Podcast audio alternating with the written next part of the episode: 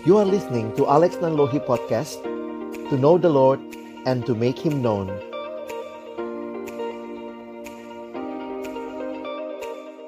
kasih kepadamu ya Tuhan untuk cinta kasih dan anugerah yang sungguh nyata bagi hidup kami. Kembali malam hari ini Tuhan berkenan mengumpulkan kami di dalam persekutuan alumni Kristen Jakarta. Setelah dua tahun ini kami boleh on-site pertama kalinya. Kami juga bersyukur ketika Tuhan berkarya di tengah-tengah pandemi, di tengah-tengah segala keterbatasan. Tetapi firmanmu sungguh tidak terbatas. Dan karena itulah kami datang dalam ucapan syukur malam hari ini. Dan kami kembali bersyukur baik kami yang hadir on-site maupun sahabat-sahabat rekan-rekan kami yang ada di YouTube. Tuhan berkati agar persekutuan kami malam hari ini kembali boleh disegarkan baik melalui kebenaran firman-Mu, setiap wawasan dan pada akhirnya kami mohon ya Tuhan, tolonglah kami agar kami bukan hanya jadi pendengar-pendengar firman yang setia, tapi mampukan dengan kuasa pertolongan dari Rohmu yang kudus, kami dimampukan menjadi pelaku-pelaku firman-Mu di dalam hidup kami, di dalam keseharian kami. Bersabdalah ya Tuhan, kami umatmu sedia mendengarnya. Di dalam satu nama yang kudus, nama yang berkuasa, nama Tuhan kami Yesus Kristus, Sang Firman yang hidup.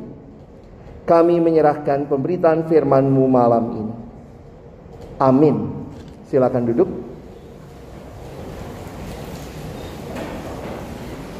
Shalom. Selamat malam teman-teman yang dikasihi dalam Tuhan Yesus Kristus. Saya bersyukur kepada Tuhan kalau kita hari ini pertama kalinya secara onsite ya, sama-sama kita boleh bersekutu. Tempat masih terbatas tetapi bersyukur Sebenarnya kenapa tadi disuruh maju karena yang daftar katanya 100. Nah, ada beberapa yang masih kosong. Nah, ini uh, berharap nanti yang telat tidak malu ke depan ya. Nah, baik eh, teman-teman yang ada di dalam gedung gereja ini maupun yang juga online di rumah di tempat masing-masing, hari ini kita akan bicara tentang soteriologi, doktrin keselamatan. Semua agama punya konsep keselamatan, ya. Nah, karena itu nanti teman-teman uh, di dalam kekristenan sendiri bagaimana pandangan tentang keselamatan. Nah, itu yang kita coba mau bahas sama-sama. Nah, nah untuk teman-teman yang ingin bertanya, uh, kalau sambil jalan nanti ada pertanyaan yang kalian rasa mau ditanyakan, silahkan. Saya tidak janji jawab semua ya. Apa yang abang bisa abang jawab, kalau tidak ya. Karena tidak, saya bukan Tuhan ya. Ini orang kok nanya, kenapa dia dipilih, kenapa dia enggak? Loh yang milih bukan saya kok kamu repot ke saya gitu ya. Banyak kita tuh kepo ya. Itulah manusia ya. Bukan berarti Tuhan tidak mau kita tahu, tetapi sering kali Alkitab memberitahu sejauh yang Allah mau kita tahu. Bukan semua yang kita mau tahu. Saya ulangi ya. Nah, ini bukan berarti jangan nanya nanti Bang Alex jawabnya begitu selesai deh ya. Alkitab memberitahukan kepada kita seberapa yang kita perlu tahu, bukan semua yang kita mau tahu. Misalnya kalian bilang, siapa bang nama istri Lot? Siapa nama istri Lot? Kalian cari bolak-balik, nggak ada namanya. Yang kita tahu namanya cuma nyolot, nyonya Lot. Ya, makanya jangan nyolot kalau nanya. Ya, kalau benar-benar kalian merasa, saya bergumul dengan hal ini silahkan. Ya, nah hari ini sudah bisa slide ya. Oh, bisa di, oke. Okay. Kita bicara soteriologi dalam bahasa Yunani kata soter itu artinya selamat ya keselamatan. Nah, kalau ditanya doktrin itu apa? Doktrin itu secara sederhana adalah kesimpulan pengajaran kitab suci. Jadi misalnya dari kitab kejadian, apa sih yang dibicarakan tentang keselamatan, keluaran, imamat, bilangan, terus sampai wahyu, lalu para teolog menyimpulkan. Nah itu namanya doktrin. Oke, jadi sumber utamanya apa? Kitab suci. Gak bisa kita bicara doktrin terlepas dari kitab suci. Tetapi dalam kitab suci ini bilang begini, kita sekarang bicara apa yang disampaikan dalam kitab suci orang Kristen dalam Alkitab. Bagi teman-teman alumni, saya pikir jangan terlalu berpikir doktrin itu berat begini. Poinnya semua kita punya doktrin, sadar atau tidak. Kamu pasti pegang sesuatu doktrin dalam pengertian apa yang kamu pahami. Dan menariknya, doktrin itu nyata dalam hidupmu. Saya kasih contoh. Kalau kamu merasa keselamatan bisa hilang, itu doktrin yang kamu terima ya. Maka kamu akan takut, ih nanti hilang, nanti hilang, nanti hilang. Nah, aplikasi hidupnya mungkin kamu akan dibayang-bayangi ketakutan kehilangan keselamatan. Nah, itu yang saya katakan, kenapa perlu belajar doktrin? Karena sebenarnya sadar atau tidak, doktrin itu menyatu dengan kehidupan. Jadi kalau ada yang bilang gak usah lah belajar doktrin, yang penting hidup kita baik-baik. Pertanyaannya bagaimana mau hidup baik-baik? Kalau doktrin yang kamu pahami nggak tepat, Nanti dalam perjalanan saya jelasin sebentar ya tentang beberapa pemahaman yang kurang tepat. Ya, nah ini buku yang baik kalau kalian alumni tentunya uh, mulai bisa nabung ya karena buku-buku teologi itu mahal. Jangan pikir yang butuh teologi cuma para teolog ya. Teman-teman juga yang tertarik, yang ingin mendalami kekristenan dari sejarah, dari uh, pembelajaran kita bisa lihat. Ini salah satu buku yang saya rekomen ya. Ini sudah edisi ketiga. Salah satu buku yang jadi standar di banyak sekolah teologi. Ini tebelnya kayak bantal, ya.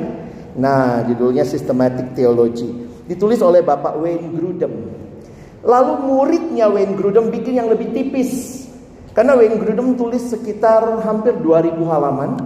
Muridnya ah kecilin deh jadi 700 halaman. Nah, tetap aja masih bantal ya.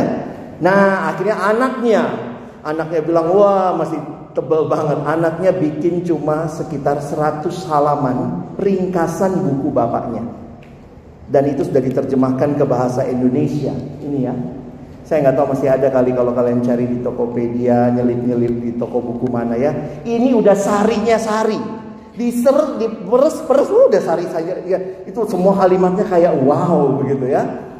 Dan itu diterjemahkan cukup baik saya pikir oleh uh, uh, Metanoia ya. Nah, salah satu buku yang lain juga yang sederhana adalah buku ini ditulis oleh R.C. Sproul miliki ya kesempatan untuk kalian juga bertumbuh terus ya karena biasanya begini loh di tengah dunia alumni orang juga akan nanya apa sih yang kamu percaya gimana sih pandangan Kristen tentang keselamatan gimana sih pandangan Kristen tentang dunia orang mati nah itu kan mau tidak mau kita harus punya jawaban yang tentunya seiring dengan pertumbuhan kita dan terkait dengan apa yang firman Tuhan sampaikan. Nah, rata-rata buku seperti ini namanya buku teologi sistematika.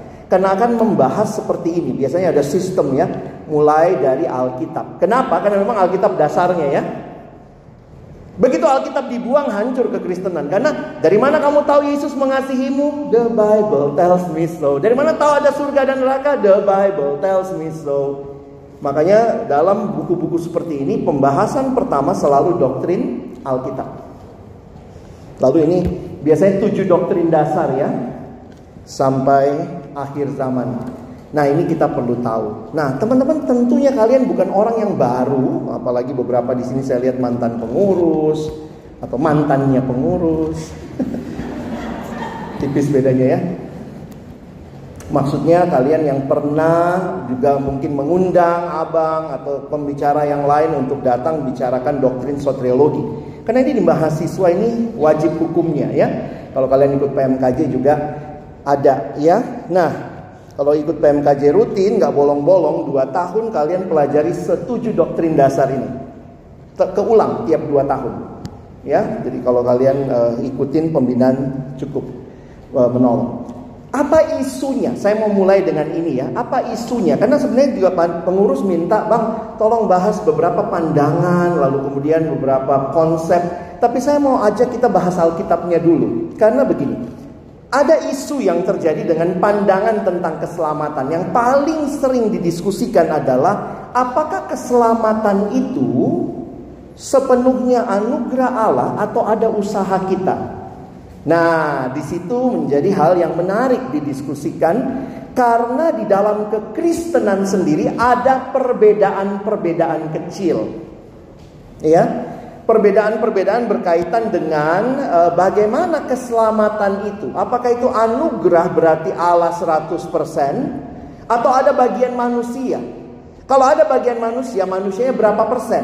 Nah, itu diskusi yang cukup menarik dan di dalam beberapa denominasi kita harus akui bahwa ini memang menjadi perdebatan. Tapi bagaimana kita menyikapinya?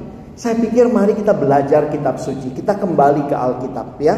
Jadi bukan kata pendetaku saja, tetapi mari belajar apa kata firman Tuhan. Nah karena itu saya mungkin mau soroti isu itu saja malam hari ini dari sisi yang lain nanti kita akan coba lihat dalam diskusi ya. Nah, karena itu saya ajak kita lihat in, uh, kitab Roma, Roma pasal 3 ayat 23 sampai 28 dan nanti Roma 6 ayat 23 ini ayat hafalan ya. Abang sudah tulis semua ayatnya ada di depan. Kalau kalian mau lihat langsung sekalian tes mata ya. Masih bagus nggak kacamatamu? Silakan. Saya baca 23 yang pria baca 24 yang perempuan nanti baca 25 gantian lagi ya. Pokoknya kalau ada ayatnya saya yang pria dulu ya. Iyalah kami dicipta lebih dulu ya. Baru nanti perempuan ya. Oke. Karena semua orang telah berbuat dosa dan telah kehilangan kemuliaan Allah.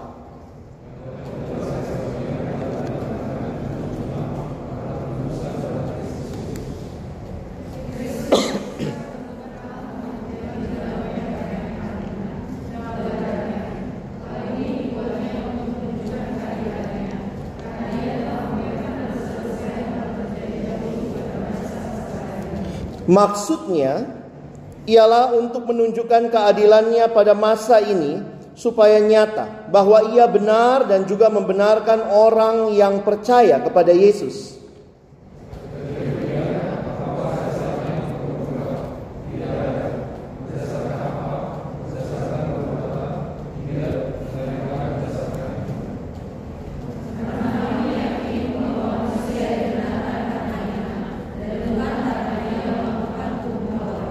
Ini semua yang berdosa ya kita baca satu dua ya. Sebab upah dosa ialah maut, tetapi karunia Allah ialah hidup yang kekal dalam Kristus Yesus. Wah ini saya rindu sudah lama loh baca bergantian gini ya. Di Zoom gimana baca gantian? Kadang-kadang kita kejar-kejaran ya. Nah ayat-ayat ini secara eh, secara menyeluruh mengajarkan kepada kita karena Paulus lagi bicara kepada jemaat di Roma orang-orang yang punya konsep perjanjian lama dan di dalam perjanjian lama sebenarnya mereka merasa bahwa Tuhan pilih mereka karena mereka spesial sebagai orang Yahudi. Maka Paulus di dalam uh, kitab Roma berusaha memberikan argumentasi. Makanya perhatikan Roma pasal 1 semua orang non-Yahudi berdosa. Masuk Roma pasal 2 karena waktu baca surat itu mungkin orang non-Yahudi pikir wah memang kami bangsa lain berdosa. Tetapi masuk Roma pasal 2, Paulus bilang lagi yang Yahudi juga berdosa. Makanya Roma pasal 3 ayat terkenal semua berdosa baik Yahudi maupun non-Yahudi. Kalau begitu keselamatan bagaimana memahaminya? Berarti keselamatan adalah karena anugerah Allah. Itulah yang tadi Paulus jelaskan. Keselamatan bukan perbuatan baik kita. Ini sebenarnya anak TK juga ngerti. Begitu kamu merasa ada bagian yang kamu kontribusikan bagi keselamatan, maka siapa juru selamatnya? Ya kamu dong. Saya selamat karena saya rajin kasih persembahan ke gereja. Berarti kamu juru selamatnya. Alkitab dengan jelas mengatakan tidak ada seorang pun yang berbuat baik. Makanya kalau selamat dengan perbuatan baik nggak mungkin.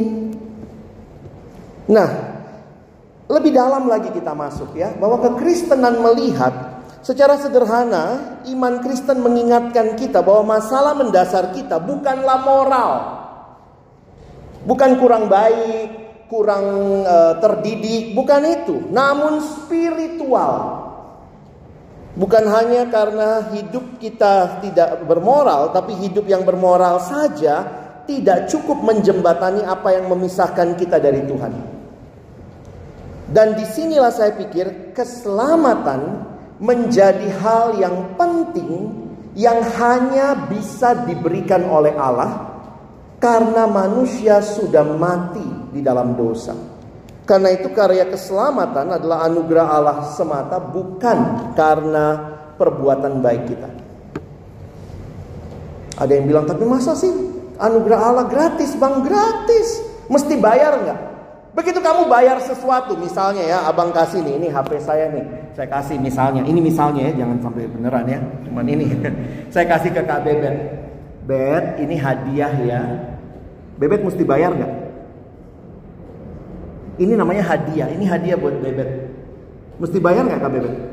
Enggak. Kalau Kak Bebet bilang, aduh bang, saya bayar deh, bayarnya lima, lima ribu deh, lima ribu deh, masih bisa dibilang hadiah nggak? Nggak bisa dibilangnya beli barang murah, murah banget gitu HP gue dibeli 5000 sama KBBet. Begitu ada kontribusi kita, maka sebenarnya bukan lagi anugerah. Karena anugerah tidak berbicara kontribusi kita, tetapi sepenuhnya anugerah Allah. Makanya tidak ada dua juru selamat, bukan Yesus dan kamu. Hanya Yesus. Makanya para reformator di masa itu meresponi dengan ungkapan sola. Hanya karena pada waktu itu seolah-olah juru selamatnya banyak. Mereka mengatakan, no, sola fide, hanya karena iman. Sola gracia, hanya karena anugerah. Dan ini berdasarkan apa? Apakah ini sekedar pemikirannya Calvin, Luther, opung-opung kita itu? No. Ini yang mereka pelajari dari kitab suci. Ketika sejarah gereja mencatat bahwa budaya begitu kuat, masuk ke dalam pemahaman dan kemudian bergereja begitu rupa, maka kemudian diingatkan bahwa hanya anugerah Allah, hanya iman, hanya Kristus. Jadi kita diselamatkan oleh anugerah bukan karena perbuatan baik kita. Ini bukan hal yang baru sebenarnya, tapi perlu digemakan lagi. Karena seolah-olah kita merasa kita contribute something. Ada yang bilang bang di Jakarta pipis saja bayar, mana ada gratis gitu ya? Masa keselamatan gratis? Gratis. Tuhan bilang gratis, masa kamu mau beli? Dan kamu nggak akan pernah bisa beli. Kalaupun kamu bisa beli, nggak akan pernah bisa beli. Nah ini ayat yang kita sudah baca tadi ya. Sebab upah dosa ialah maut. Saya memilih ayat ini, kalian bisa lihat strukturnya sebenarnya menarik ya. Karena di dalam ayat ini kita belajar Injil kasih karunia Allah. Injil itu adalah kabar sukacita. Besok saya akan uh, khotbahkan itu di Hut Perkantas ya, lebih jauh tentang uh, Injil itu. Kadang-kadang untuk mengerti berita sukacita, kita perlu tahu dulu ya, apa berita duka cita terbesar. Berita duka cita terbesar bukan COVID teman-teman ya. Kadang-kadang kita pikir the real pandemic is COVID. Sebenarnya begini, kan semua orang begini. COVID itu melanda banyak tempat, tapi nggak semua kena, bener kan? Ada yang belum kena kan? Jangan sampai ya.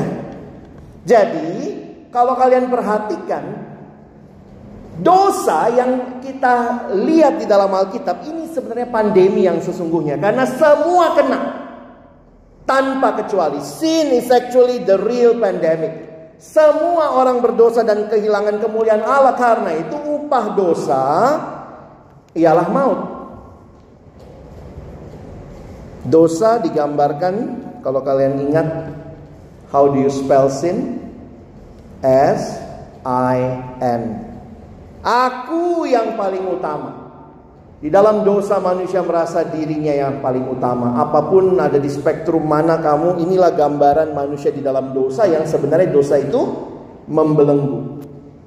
Nah, kalau bicara dosa yang membelenggu seperti ini, ini mengingatkan kita betapa mengerikannya dosa yang menyusup perlahan-lahan. Kita berontak kepada Allah secara sadar dan perlahan terjadinya memang pelan-pelan sehingga kita tidak mengenali dampaknya yang menghancurkan.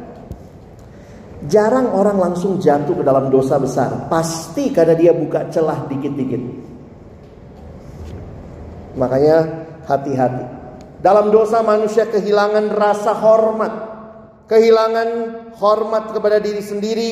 Kehilangan kemampuan untuk berpikir sehat. Siapa sih yang nggak tahu merokok merusak kesehatan? Tapi kok dilakukan? Kadang-kadang saya pikir juga gimana mau coba jadi Tuhan nggak satu hari aja kita tukar tempat. Kita kadang bikin repot Tuhan ya. Doanya Tuhan minta kesehatan, rokok jalan terus. Gimana juga nolongnya? Banyak orang bicara tentang iman tetapi sebenarnya menyangkali apa yang dia percaya. Manusia kehilangan kemampuan berkata jujur, kemampuan memberi karena dosa itu egois sekali. Aku, aku, aku, boro-boro mikirin orang lain, boro-boro melayani. Kemampuan untuk mengasihi berkurang, kemampuan untuk hidup kudus. Makanya di dalam dosa manusia mengalami ketidakpastian, rasa bersalah, kekosongan, frustasi, keterikatan. Upah dosa ialah maut. Tapi puji Tuhan, Kadang kita baca Roma 6 ayat 23, kita cuma ingat A-nya. Padahal jangan lupa ya, A-nya ini berita duka cita. Ini berita sukacitanya. Masih di Roma 6 juga ya, ayat 23b. Sebenarnya di dalam Roma 3 yang kita baca tadi, teman-teman sudah lihat ya. Roma 3 juga begitu. Ayat 23 berita duka cita. Dua empatnya dan oleh kasih karunia telah dibenarkan dengan gratis cuma cuma karena penebusan dalam Kristus Yesus. Jadi inilah penebusan kita di dalam Yesus Kristus anak Allah yang tunggal. Dosa telah dikalahkan di kayu salib. Kematian Kristus merupakan dasar pengharapan kita dan janji bagi kemenangan kita. Perhatikan baik-baik. Salib ini yang dipakai jadi simbol gereja adalah satu-satunya jalan keselamatan. Salib memberikan tujuan baru. Ingat, dosa tujuannya maut. Salib memberikan tujuan yang baru, yaitu hidup yang kekal. Itulah yang kita baca Roma 6 ayat 23. Teman-teman PKK jangan cuma hafal 23A. Roma 6 ayat 23A, upah dosa ialah maut ya.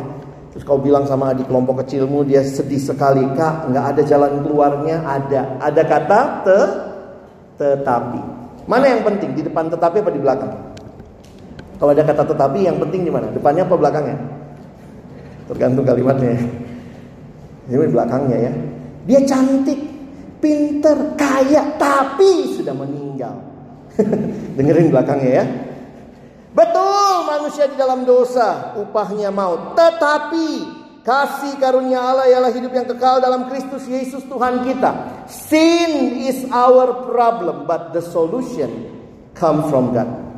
Dosa itu masalah kita, tapi solusinya dari Allah. Karena itulah kekristenan disebut Injil. Karena semua agama mengajarkan lakukan sesuatu untuk mengatasi dosamu. Karena Keselamatan yang dibicarakan oleh semua agama adalah keselamatan dari dosa sebenarnya. Bagaimana mengatasi dosa? Semua bicara usaha manusia, kontribusi manusia. Menarik sekali waktu belajar tentang Injil ini. Pendeta John Stott bilang begini, satu-satunya kontribusi manusia di dalam keselamatan adalah apa? Dosanya. Itu kontribusi kita, satu-satunya berarti sebenarnya bukan kontribusi. Karena itulah konsekuensi dari dosa kita harusnya maut. Nah, saya pilih terjemahan ini ya. Coba kita baca sama-sama. Ini terjemahan BIMK ya. Bahasa Indonesia masa kini. Yuk kita baca sama-sama. Satu, dua, ya. Sebab kematian adalah upah dari dosa. Tetapi hidup sejati dan kekal bersama Yesus Tuhan kita adalah pemberian yang diberikan oleh Allah dengan cuma-cuma. Di mana ini diberikan? Nah, Paulus menggambarkan itu di dalam Roma 3 tadi. Abang nggak ulangi, nanti kita lihat sama-sama. Di dalam Roma 3 tadi, sebenarnya Paulus sedang menggambarkan apa yang terjadi di kayu salib. Mungkin kalau kalian dulu masih mahasiswa tahunya Yesus mati kayu salib. Nah, tetapi Roma 3 ini memberikan gambaran apa yang terjadi. Perhatikan ada tiga istilah penting yang kita baca tadi. Kalian bisa lihat warnanya yang saya sudah buat di situ ya. Ada istilah dibenarkan, ada istilah penebusan, ada istilah jalan pendamaian. Menarik sekali Rasul Paulus ini seorang yang sangat luas wawasannya. Dia menggunakan tiga istilah dari tiga bidang yang berbeda. Pertama, teman-teman yang hukum, uh, sorry, yang ekonomi, mungkin ngerti ya ini istilah penebusan pada masa itu adalah istilah perdagangan. Kalau saya tebus sesuatu, maka sesuatu itu jadi punya punya saya. Itu ya. Yang terjadi di salib itu adalah penebusan. Allah menjadikan kita kembali miliknya. Lalu Paulus juga pakai istilah jalan pendamaian. Ini sebenarnya istilah agama karena ini istilah perjanjian lama. Kalau kalian lihat dalam kitab Keluaran waktu Tuhan suruh Musa buat tabut Terus Tuhan bilang gini, di dalam tabut itu nanti ditaruh loh batu sama tongkatnya Musa kan.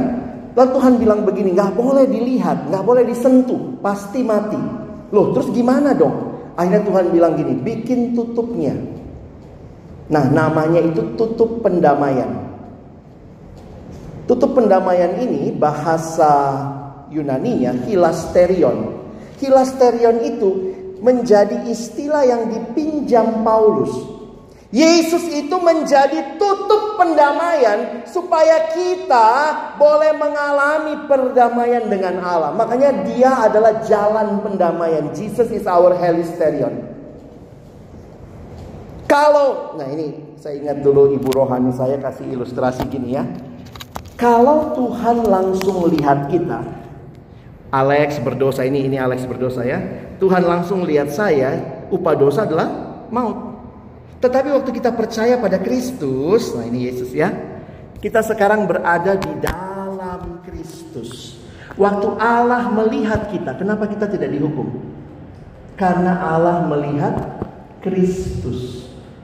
Dialah jalan pendamaian, tutup pendamaian. Karena kalau lihat langsung, pasti mati. Wah, salib itu di kayu salib terjadi jalan pendamaian yang tadinya seteru sekarang menjadi milik anak Allah.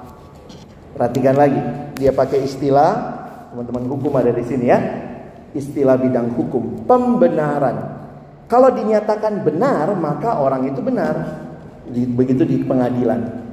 Kalau kalian perhatikan, semua ini adalah istilah aktif yang dilakukan oleh Allah. Dia yang menjadi penebus. Kita gimana? Ada kontribusi? Nggak ada.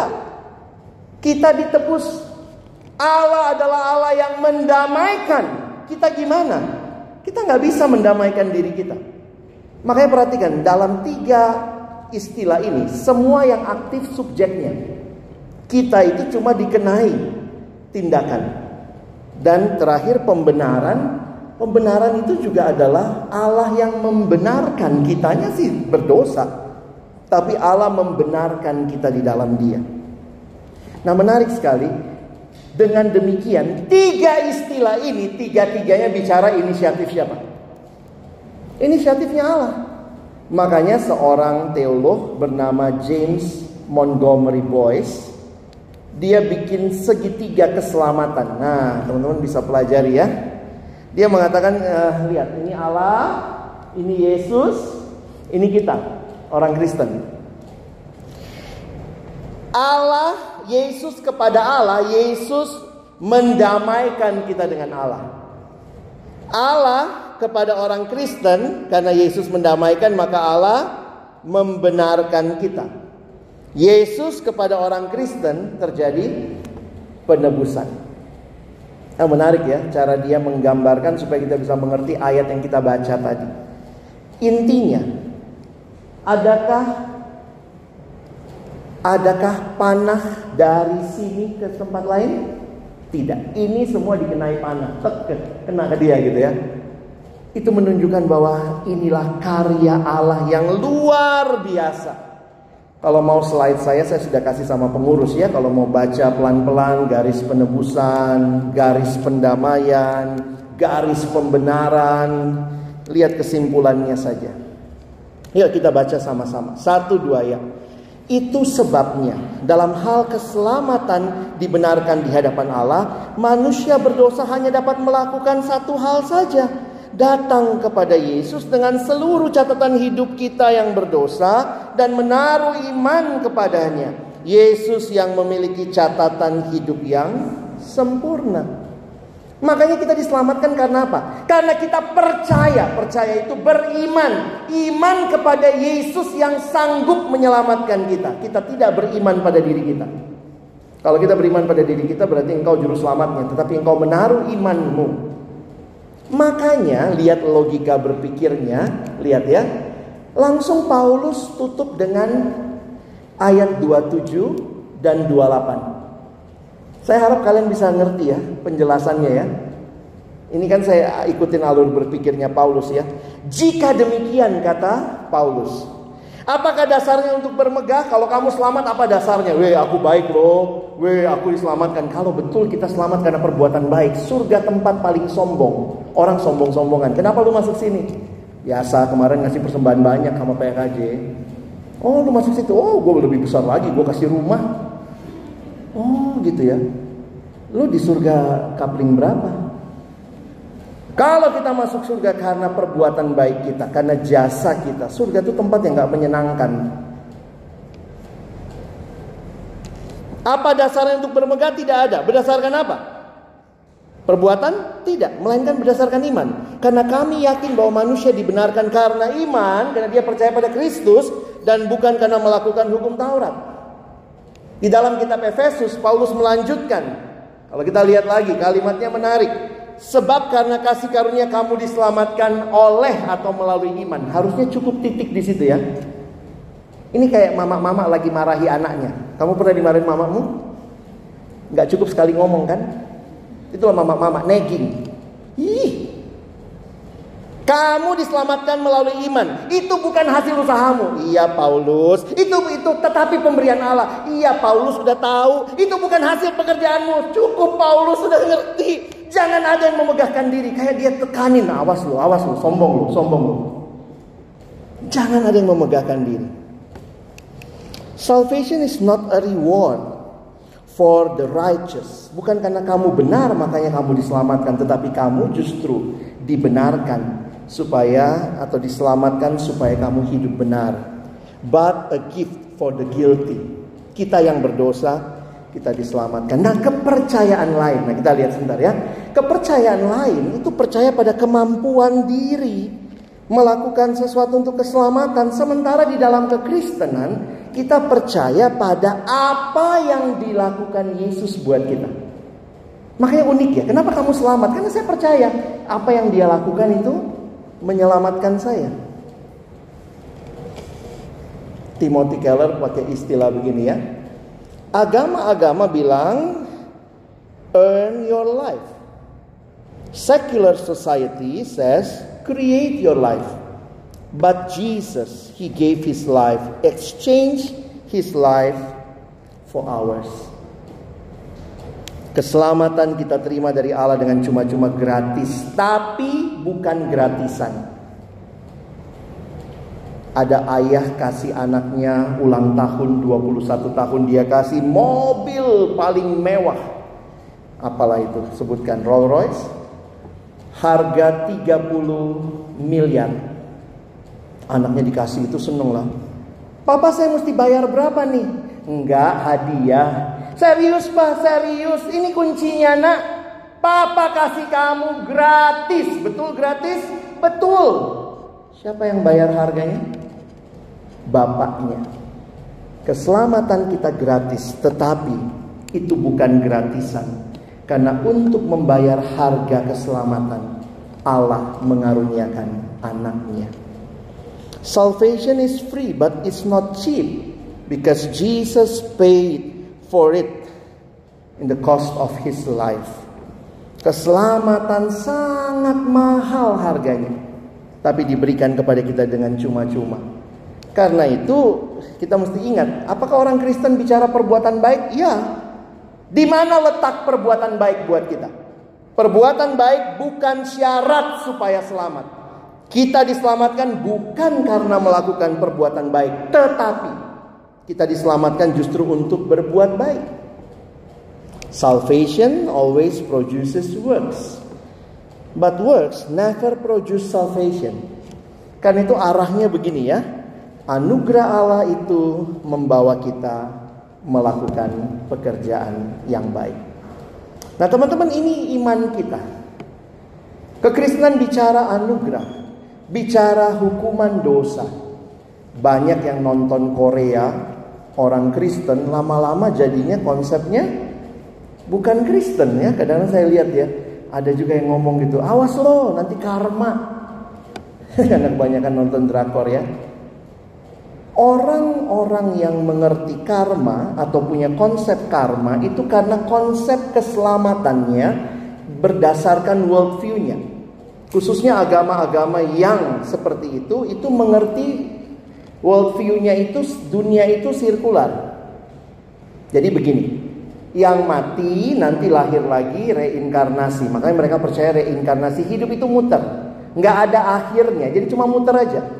Nanti di sini kamu baik, ke depan kamu lebih baik. Kamu jahat, kamu jadi turun kasta dan seterusnya. Jadi mereka ngertinya seperti itu. Nah, apa konsep kejahatan dalam dunia yang sirkular itu namanya karma.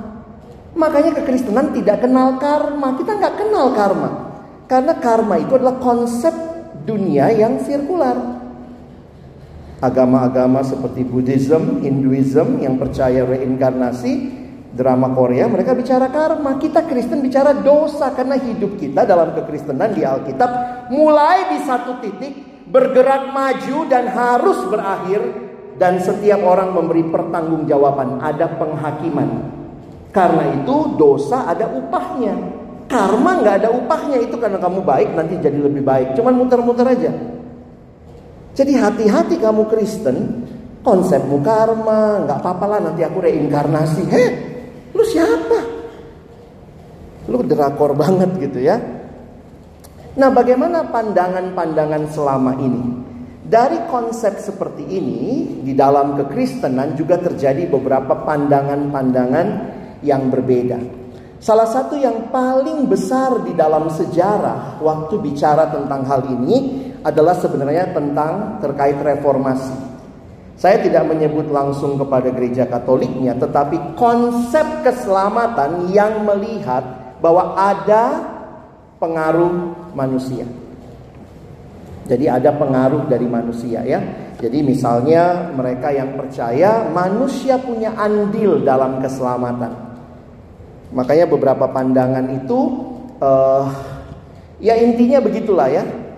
Siapa yang menyelamatkan? Allah atau manusia? Ataukah Allah menyelamatkan karena Allah tahu dia bakal percaya? Nah kalau seperti itu kan bisa begini ya. Jadi Allah tahu nih, wah nih Kak Bebet bakal percaya kan Allah maha tahu. Maka berdasarkan pengetahuan Allah itulah Allah memilih Kak Bebet. Kalau begitu, apakah berarti masih bisa kita sebut seperti Allah adalah inisiator keselamatan? Nah itu perdebatannya sering kali di situ. Kamu ada di gereja seperti apa? Kamu mesti coba tahu juga. Karena beberapa gereja mungkin mengkaitkan hal ini dengan konsep keseharian. Rajin kasih persembahan loh, kalau enggak nanti kamu masuk neraka. Wah itu yang begitu-begitu ngeri ya. Jadi dia mengkaitkan apa yang kita lakukan bisa membeli surga. Masih ingat kasus yang terjadi di gereja Roma Katolik dengan surat penghapusan dosa. Waktu saya membeli, saya berkontribusi, bahkan saya bisa beliin orang lain untuk penghapusan dosanya. Nah karena itu para reformator, saya bicara mulai dari reformator karena mungkin sebagian besar kalian ada dalam gereja-gereja reformasi, mulai memikirkan sehingga di abad 17-18 beberapa konsep seperti ini muncul. Bagaimana urutan keselamatan? Urutan itu namanya ordo. Keselamatan bahasa Latin salutis. Jadi urutan keselamatan, apa yang terjadi lebih dulu. Maka inilah yang kemudian dipikirkan oleh bapak-bapak gereja, para reformator waktu itu salah satunya membuat ordo salutis ini ya. Mulai dari Allah memilih, Allah memanggil. Sebenarnya apa tujuannya? Mereka hanya ingin menegaskan bahwa Allah berinisiatif. Melawan pandangan yang berkata bahwa ada inisiatif manusia. Mungkin kalian tahu juga dalam gereja-gereja aliran reformasi ada konsep tulip. Tulip itu bukan bunga, tapi singkatan dari total depravity lalu kemudian unconditional election, limited atonement, lalu irresistible grace dan perseverance of the saints. Apa konsep ini? Konsepnya juga sekali lagi bicara bagaimana keselamatan itu terjadi. Apakah manusia itu, nah perdebatannya waktu itu dengan satu tokoh namanya Arminius. Kalau ini uh, Arminius itu punya pandangan manusia itu dalam dosa cuma tidur, jadi bukan mati. Kalau orang tidur dalam uh, dalam dosa, jadi dosa itu cuma bikin kita tidur aja, nggak sadar. Maka kalau dia, uh, sorry, kalau dia masalahnya tidur,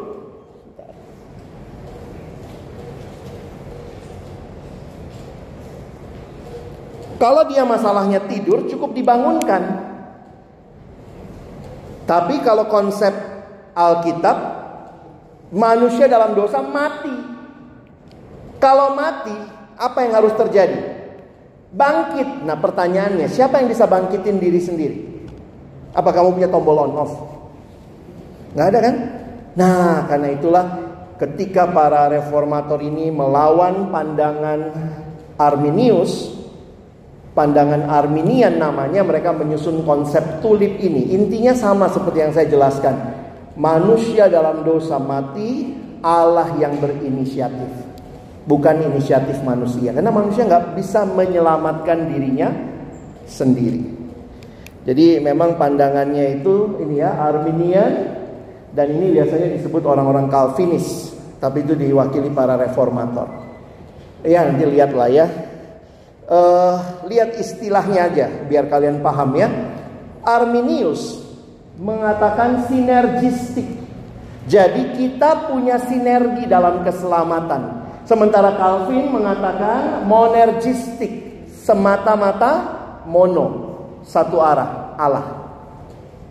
Nah, ini konsepnya dari situ tuh pakai Alkitab sama-sama karena di mengata di Alkitab ada kok bilang kamu yang tidur gitu dalam dosa ya. Nah, itu menarik dalam sejarah akhirnya kalian mesti membaca lah perdebatannya. Saya tidak terlalu uh, pengen kita masuk ke situ, makanya saya mulai dengan Alkitab ya, supaya kalian paham. Nah, belakangan para teolog yang lebih belakang itu me memberikan gambaran seperti ini. Sudah tidak populer Ordo Salutis ya.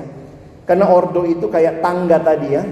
Mereka mengatakan ini lebih bersifat simultan. Makanya dia pakai istilah the process of salvation. Buku-buku teologi yang terakhir poinnya ini. Nah, jadi di si malaikat maut datang.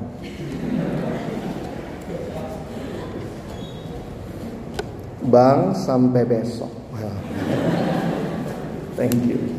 Nah, di sinilah teman-teman kita bisa paham ya bahwa ternyata uh, ya keselamatan kita itu yang kita sebut dengan sederhana di dalam Kristus banyak juga latar belakangnya perdebatannya tapi kiranya malam hari ini waktu kita lihat ayat-ayat yang indah itu di situlah kita melihat sungguh ini anugerah Allah.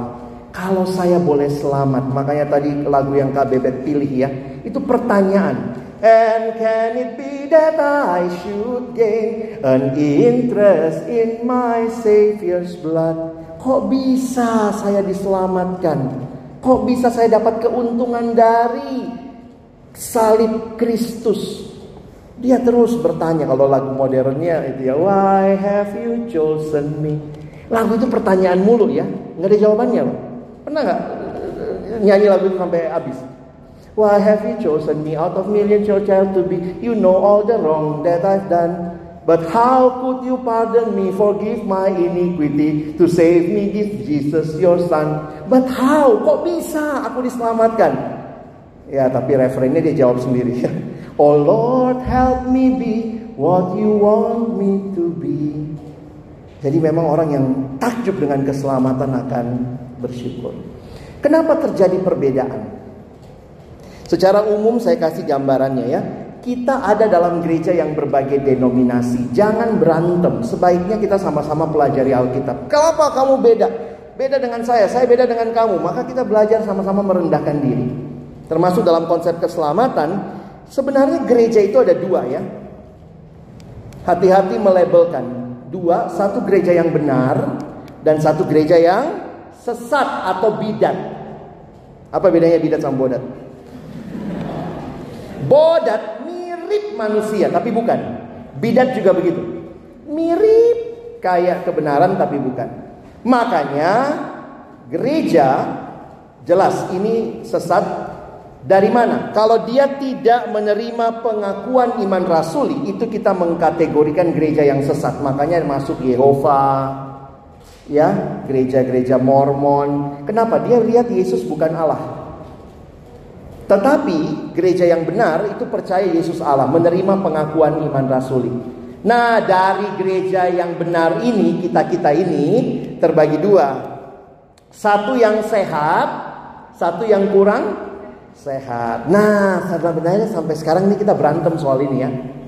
Gerejaku dong lebih sehat, gerejaku lebih sehat, ah gerejamu. Apa itu gerejamu? Kurang roh kudus.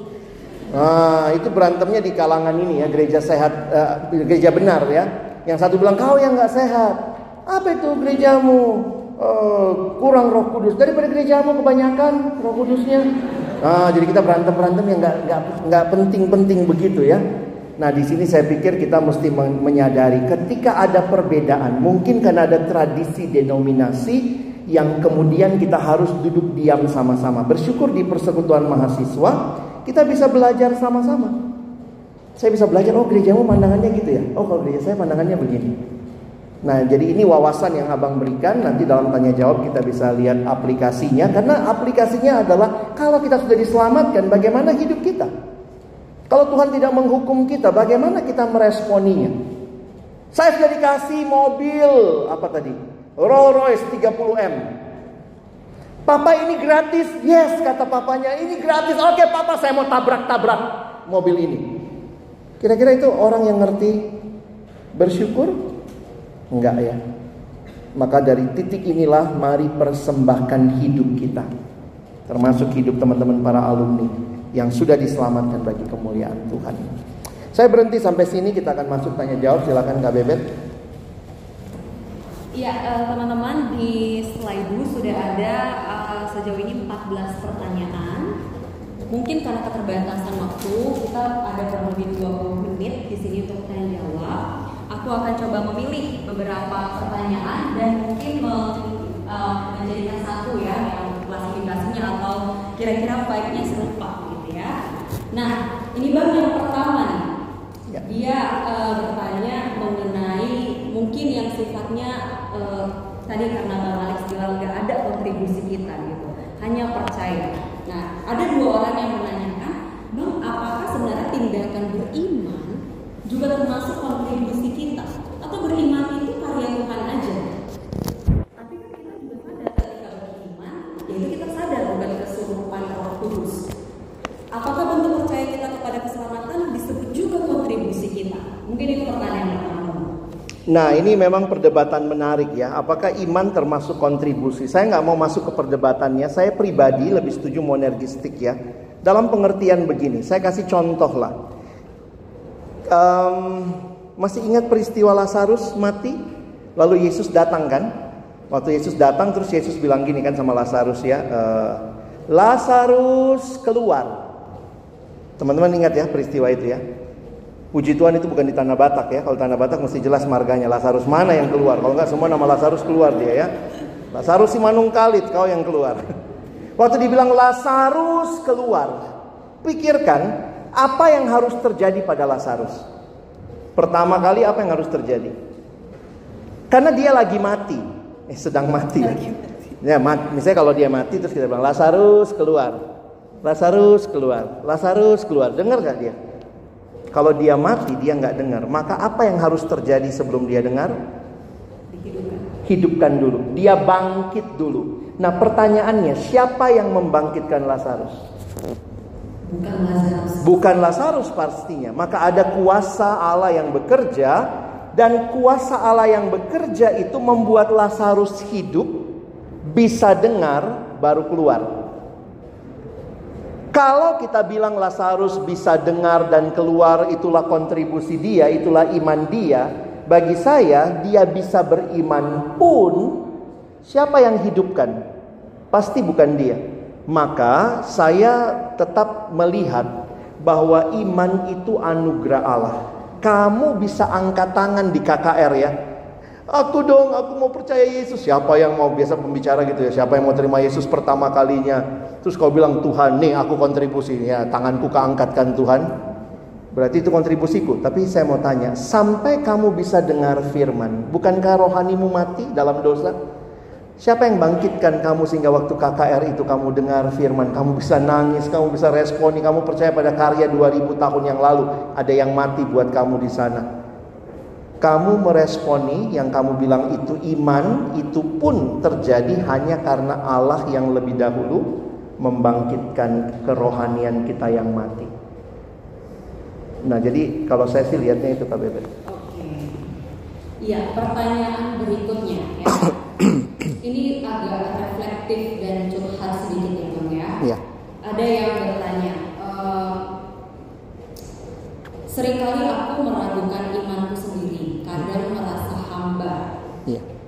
Mungkin ini personal, tapi ada juga alumni yang mengalami hal ini. Adakah solusi yang bisa lakukan? Yang serupa juga kan? Saat saya jatuh lagi ke dalam Hmm. dosa,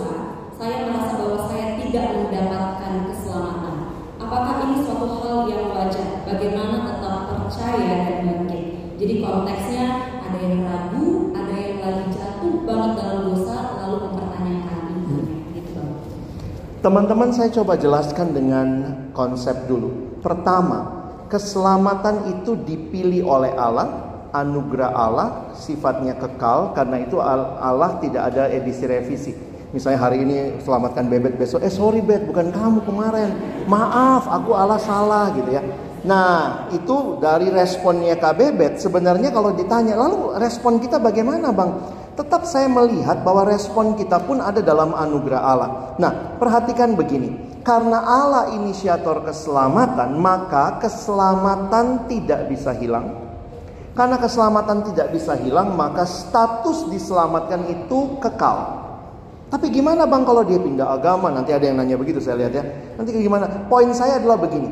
Pahami dulu bahwa keselamatan itu kekal dari Allah dan diberikan kepada kita yang beriman kepada Kristus. Nah, menariknya begini. Ketika kita berelasi dengan Allah, status kita adalah anak Allah. Tetapi di dalam keseharian kita manusia yang masih mungkin jatuh dalam dosa.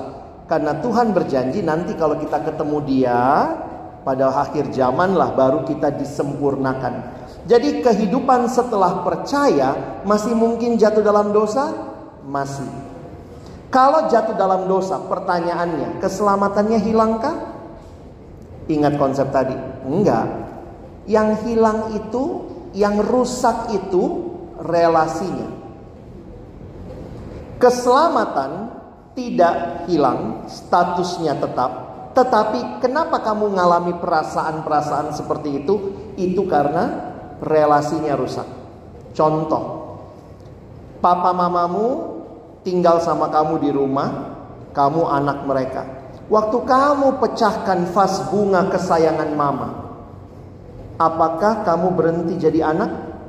Statusnya tidak berubah. Yang rusak apa? Relasinya. Mama bangun pagi, kau pura-pura bangun siang ya. Aduh, jangan sampai ketemu mama ini ya. Aduh, vas bunga itu dia lebih sayang dari aku gitu ya. Mungkin dari situlah kau takut. Apa jalan keluar? Jalan keluarnya bukan perbaiki status. Kau datang ke pengacara, tolong bikinkan lagi aku eh, akta ya, aku anak mama. Enggak, karena yang rusak relasi, maka perbaiki dengan perbaiki relasi. Makanya di dalam gereja sampai hari ini, di gerejamu, di gereja di banyak gereja ada pengakuan dosa. Dari konsep ibadah kita ada pengakuan dosa itu membuat kita sadar bahwa kita belum sempurna meskipun sudah selamat. Berarti masih mungkin jatuh dalam dosa. Kalau jatuh dalam dosa statusnya tidak berubah, tidak bisa berubah. Yang rusak adalah relasinya. Maka waktu kita mengaku dosa, kita sedang memperbaiki relasi dengan Tuhan. Nah, itu konsepnya ya. Lalu bagaimana saya kok merasa? Makanya teman-teman, hiduplah dipimpin firman Tuhan, jangan dipimpin oleh perasaan karena perasaan kita bukan kebenaran. Orang Kristen sejati bukan dipimpin oleh perasaan. Aduh, aku rasa Tuhan jauh dari aku. Heh, Tuhan bukan layang-layang, aku jauh, engkau jauh, aku dekat, engkau dekat. Emangnya Tuhan ditarik-tarik, kalau saya tarik dekat dia jadi dekat. Tuhan selalu dekat. Tapi aku nggak rasa bang, masalahnya bukan di Tuhan, di perasaanmu. Makanya pegang firman Tuhan. Kalau firman Tuhan beda dengan perasaan saya, yang mana yang kau percaya? Firman Tuhan. Makanya hidup kita, firmanmu itu pelita bagi kakiku, terang bagi jalanku. Biarlah teman-temanku kamu dipimpin oleh firman. Tapi bagaimana menghilangkan perasaan itu? Seringkali kita harus melewati situasi yang sulit ya. Apalagi kalau kamu lagi banyak pergumulan, kehilangan orang yang dikasihi, itu perasaan-perasaan macam-macam muncul tuh.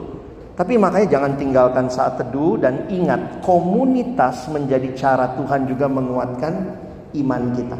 Nah itu konsep hidup dalam keselamatan. Statusnya tidak hilang, yang rusak adalah relasinya. Karena itu perbaiki relasinya. Sepertinya banyak yang di posisi ini pertanyaannya, hmm? karena ada juga yang baru bertanya dulu menikmati Allah, hmm. sekarang tidak lagi menikmati Allah dalam waktu lama, sehingga hanya ingin hidup baik tanpa memilih hidup untuk Tuhan. Mungkin ada rasa takut ketika datang lagi hmm. terintimidasi dengan kehambaran relasi itu. Mungkin Bang Alex punya uh, bisa sharing gitu ya, hmm. hal-hal hmm. yang bisa lebih praktis yang bisa dilakukan untuk kita alumni yang ada di situasi yang serupa. Wah ini bukan cuma alumni semuanya ya, apa alumni biasa dalam arti saya bukan bilang uh, karena ada yang ada staff yang bertanya kepada saya beberapa hari ini Bagaimana memaintain relasi yang indah dengan Tuhan bang? Ini staff yang nanya. Masih staff yang muda ya. Dalam arti saya juga bilang sama dia Dek saya juga bergumul. Dalam arti perjalanan dengan Tuhan itu sebuah keindahan tapi juga pergumulan. Maka uh, dia bilang kadang-kadang saya sulit menikmati disiplin rohani. Nah saya bilang sama dia Ingat jangan takut sama kerutinan yang kita takuti sebenarnya rutinitas. Banyak hal rutin kok kita lakukan. Makan rutin nggak? Ini rutin kan? Masa ada yang takut makan? Makan ada yang takut sama kau. Lebih dari rutin ya. Napas, napas itu rutin ya.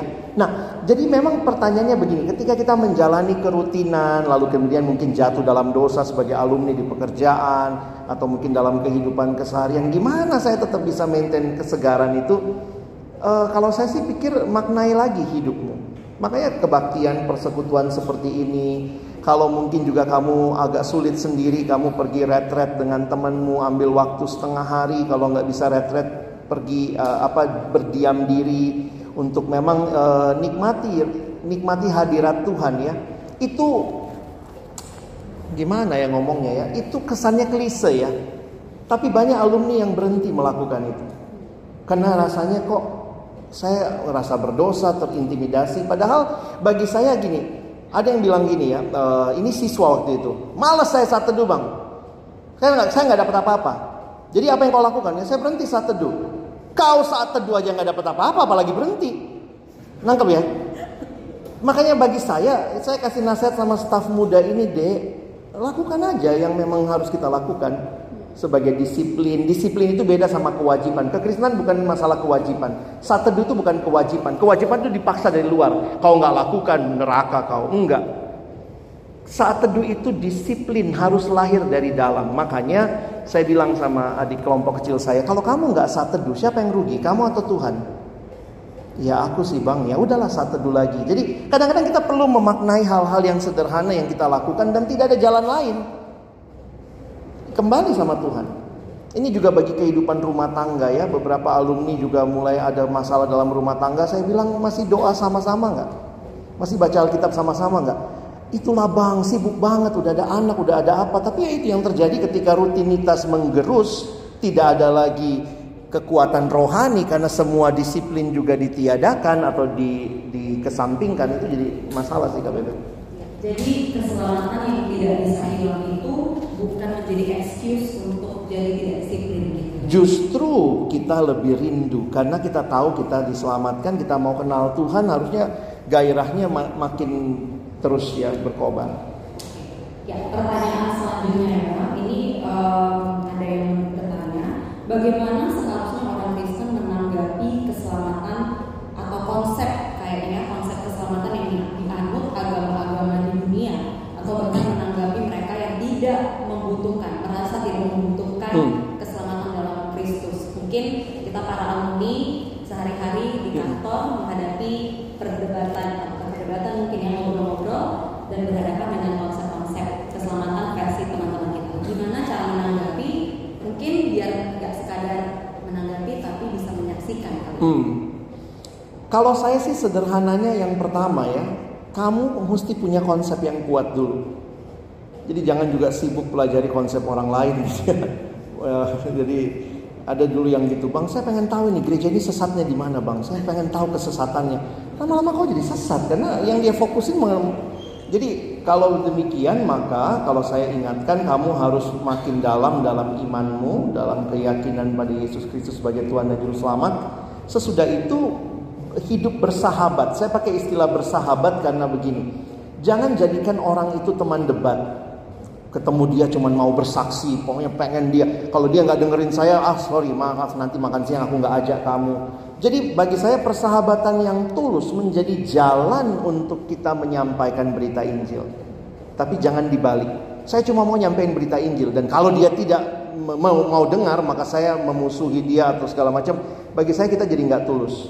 Dan ingat bersaksi itu bukan satu kali lalu selesai dan mungkin hidupmu akan berbicara lebih kuat. Your life speaks louder than your words. Kadang-kadang kita juga terbatas ya, apalagi kalau itu atasan kita. Kita mau ngomong apa? Yesus Tuhan dan Juru Selamat, keluar kau besok. Gitu ya. Tapi bagaimana saya menghidupi Yesus Tuhan dan Juru Selamat dan dia akan lihat itu. Nah, kita nggak tahu dengan cara Tuhan ya, dia akan lihat itu. Tapi poinnya adalah jadilah sahabat bagi semua orang. Di Alkitab ternyata ada ya, ada kalimat bahwa kita harus disukai orang lain. Dalam arti begini ya, bukan berarti karena itu kita jadi kompromi tidak. Nanti lihat di Kolose itu ya ada masalah hendaklah perkataanmu penuh dengan garam.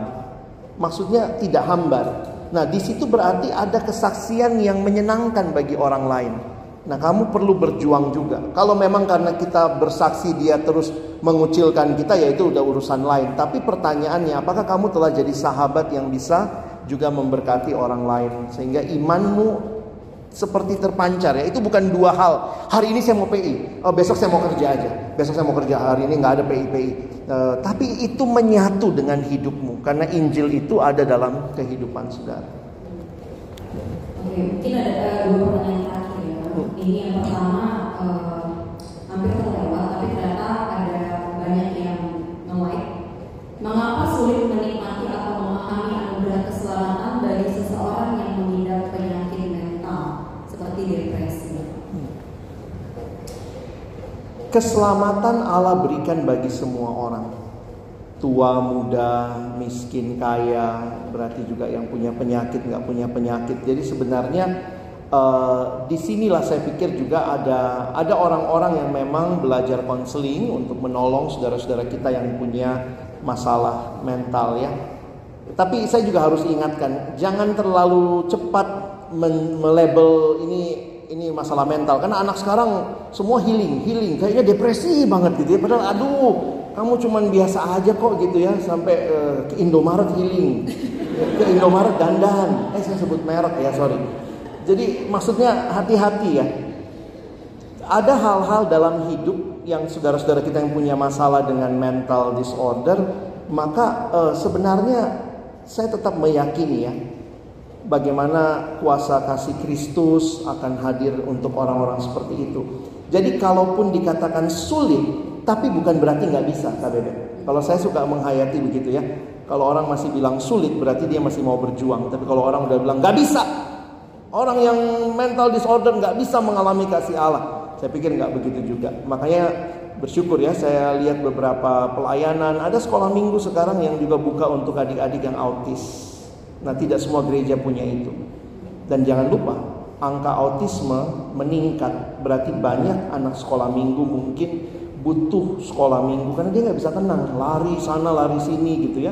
Nah itu tuh saya pikir ya gereja yang sensitif harusnya ngelihat orang seperti ini juga butuh kasih Kristus.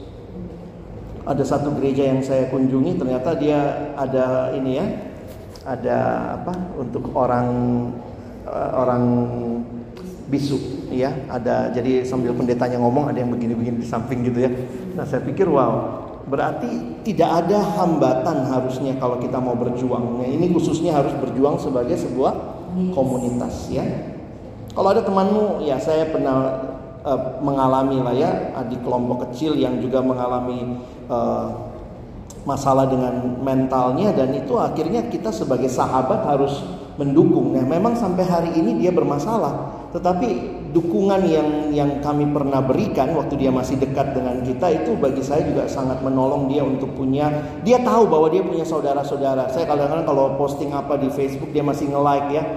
Padahal saya tahu nih ini adik kelompok kecil saya ini bermasalah, dia sudah ditinggal istrinya, sudah dicap gila sebenarnya. Tapi saya pikir buat anugerah Allah tetap ada untuk dia. Oke, jadi dari tadi kita dengarkan dari Bang Alex pentingnya punya konsep keselamatan yang benar karena itu berpengaruh sekali bagaimana perasaan kita, pikiran kita terhadap diri kita, tindakan kita terhadap diri kita dan orang lain ya. Nah menutup bang, ini pertanyaannya cukup ya teologis iya, filosofis juga iya ya bang.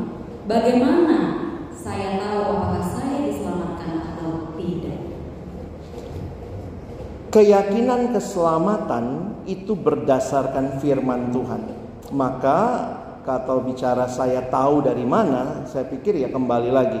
Kalau kamu membaca merenungkan firman, maka kamu akan makin memahami, makin tahu begitu. Saya mau tanya, bagaimana kau yakin kau anak bapak mama?